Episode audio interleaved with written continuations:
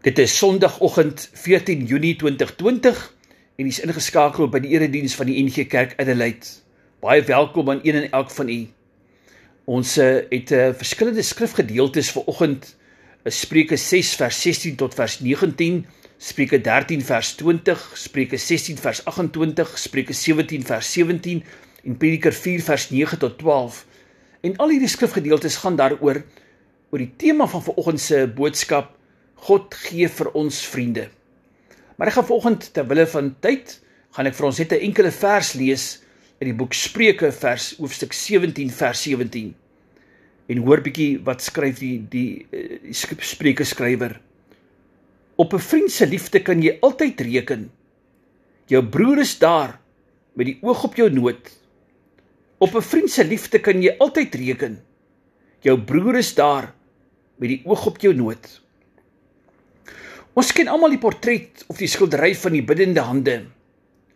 Dit hang in ons huise, dit is op boekwerke en kom selfs dikwels op begrafnisbriewe voor. Maar ken jy die geskiedenis van die agtergrond van die biddende hande? Die oorsprong van die biddende hande lê opgesluit in die verhaal van 'n aangrypende vriendskap tussen twee vriende. Aan die einde van die 15de eeu het twee leerjongens, Hans en Albrecht, in die houtsneebedryf in Frankryk studeer. Albei wou baie graag ook die skilderkuns gaan studeer, maar nie een van die twee het geld gehad nie. Hulle besluit toe op die volgende oplossing. Een van hulle sal eers gaan werk en genoeg geld maak sodat die ander een van die inkomste kan studeer. Wanneer die eerste een dan klaar gestudeer het en ryk en beroemd geword het, sal hy weer geld voorsien vir die ander een om te studeer. Die vraagstuk was natuurlik net Wie sou eers te gaan studeer? Uiteindelik het hulle geldstuk opgeskiet om te besluit en Albrecht het gewen. Terwyl Albrecht in Venesië Venesië gaan studeer het, het Hans as 'n grofsmid gaan werk. Elke maand wanneer hy sy salaris gekry het, het hy 'n groot deel daarvan vir sy vriend se studies aangestuur. Die maande het jare geword en uiteindelik was Albrecht behoorlik gekwalifiseer. Hy het aan Duitsland, sy geboorteland, teruggekeer en as meesterskilder begin namaak. Nou was dit sy beurt om sy vriend Hans finansiëel te help met sy studie. Die twee het 'n blye weer ontmoeting gehad. Maar toe Albrecht na sy vriend se hande kyk, het hy trane in sy oë gekry. Toe eers kon hy werklik die omvang van sy vriend se opoffering begryp. Die baie jare van brute handearbeid as grofsmid het Hans se sensitiewe hande gekneus en vol eelt gelaat. Sy hande was nou so grof dat dit nooit weer die fyn kwas van 'n skilder sou kon hanteer nie. 'n Nederige dank betoon vir die jare van opoffering wat dit vir hom moontlik gemaak het om 'n groot skilder te word, het Albrecht Dürer 'n portret geskilder van sy vriend Hans se beskadigde hande. Die hande wat so hard en so getrou gewerk het sodat Albrecht sy talent kon ontwikkel.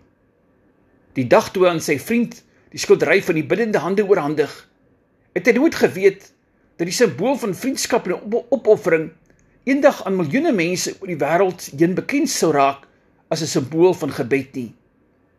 Henry Longfellow sê: "Hoe onvergelyklik goed voel dit om die bekende hand van 'n getroue vriend in jou eie te neem."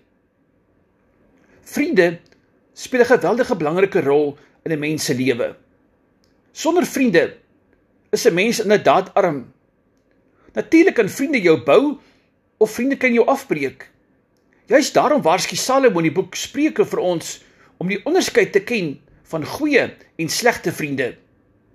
Goeie vriende bou jou en slegte vriende breek jou af. Een slegte tamatie steek die hele kussie aan en al die tamaties word vrot. 'n Slegte vriend kan jou afbreek, maar 'n goeie vriend kan die beste in jou na vore laat kom. Salomo waarsku in Spreuke 6 vers 16 tot 19 veral vir ons van sewe eienskappe vriende wat God haat en waarvoor ons moet oppas. Heel eerstens oë wat straf en hoogmoed. As jou vriend dink hy's beter as jy, 'n tong wat lieg, dis 'n vriendskap wat nie die waarheid ken nie, wat net gebou is op leuns. Derdens, hande wat met bloed bevlek is. Dis om iemand jou vriend te oorheers te manipuleer. Vierdens, gedagtes wat met komplotte besig is. As jou vriend dinge agter jou rug doen. Vyftens, voete wat net een koers ken, die van die kwaad. Met ander woorde, as daar verkeerde goed mee besig gehou word wat jy die gewete indrys, dan is dit nie goed vir 'n vriendskap nie. Sestens, sestens, waarvoor mense moet oppas is is 'n getuie wat lieg. Aan die ander woorde, dis 'n skindertong. En so 'n vriend kan jy geen vertroue hê nie. En dan sewende de iemand wat risie stook met 'n meerige mens kan jy nie werklike vriendskapsverhouding aanknoop nie. Die vriend wat by jou skinder sal van jou ook skinder. Die vriend wat die skinderstories by jou aandra nie, sal ook nie van jou skinder nie. Al my woorde moet van liefde getuig. Daarom moet ek ook kan stil bly oor die kwaad in my vriend se lewe. En Korintiërs 13 sê mos dat die liefde bedek alles, ook my vriend se foute. My vriend moet op my vertroue kan reken. Daar is niks wat so seer maak as 'n mens se vertroulikheid geskaad word nie. My vriend se geheime moet by my veiliger wees as die goud in die reservebank. Ons almal het vriende nodig. Die moderne samelewing maak dit ons dikwels so gejaagd is dat ons verleer het om vriende te wees vir mekaar. Ons jag so na wind dat ons verleer om saam te kuier. Daarom lewe ons in die era waar die mens nog nooit so alleen gevoel het as juis in hierdie tyd nie. Die moderne tegnologie maak ons net tog eensamer. Ja, in hierdie tyd van COVID-19 is ons ekstra van mekaar geïsoleer. En dit ons juis nodig om as vriende mekaar te skakel en te bel en na mekaar se welstand te verneem en te gesels sodat ons mekaar ook kan moed inpraat in hierdie moeilike tye waarin ons verkeer. Interessant in die ou tyd toe die vervoermiddel stadig was, het mense meer dikwels by mekaar uitgekom. In die ou tyd het die ou mense al langs die pad van die plaas tot in die dorp gekuier. Op pad terug plaas toe het hulle weer al langs die pad teruggekuier. So tog kon maklik oor 3 dae strek. Natuurlik moet 'n mens nooit kla en sê ek is alleen nie. Die vraag is of ek 'n vriend vir ander een is. Ralph Waldo Emerson sê Die enigste manier om 'n vriend te hê is om 'n vriend te wees. In ons wyke het ons juis 'n besondere geleentheid om na mekaar uit te reik. Ook as 'n klein platlandse gemeente soos Adelaide is ons nie baie lidmate nie. En daarom kan ons juis maklik in mekaar belangstel en na mekaar uitreik en in mekaar ook 'n geloofsfamilie en geloofsvriende vind. Natuurlik moet 'n mens jou op 'n vriend kan uh, natuurlik moet 'n mens jou op 'n vriend kan reken soos die volgende verhaal aantoon. Luitenant, my vriend het nie uit die gevegsone teruggekeer kamp toe nie. Ek dink hy's gewond. Ek vra verlof om hom te gaan haal. Versoek geweier. Ek wil hê een van my manne moet hulle lewe onnodig in gevaar stel nie. Die kans dat jou vriend nog lewe is byna nul. Maar die soldaat het die bevel vir veronagsaam en tog sy vriend op die slagveld gaan haal. Op pad terug Met sy kameraad se dooie liggaam in sy arms word hy self dodelik gewond. Die offisier was woedend. Ek het jou mos gesê jou vriend is dood. Nou het ek julle albei verloor. Maar sê vir my, gaan hy met 'n bietjie meer deernis voort? Was dit die moeite werd om jou lewe te waag net om 'n lijk uit te bring? Die sterwende soldaat se antwoord was: "O ja, luitenant, u sien, toe by hom kom, het hy nog gelewe." Toe sê hy vir my: Ek was seker jy sou kom. Epikures skryf: Dis nie maklik. Dis nie dis dis nie werklik ons vriende se hulp wat ons help nie. Maar die rustige wete dat hulle ons sal help. Daar's natuurlik altyd die mooi weersvriende. Maar daar's ook vriende wat tot in die uiterste toe by jou sal staan. So suster hoe gesê het. In goeie tye ken ons vriende ons.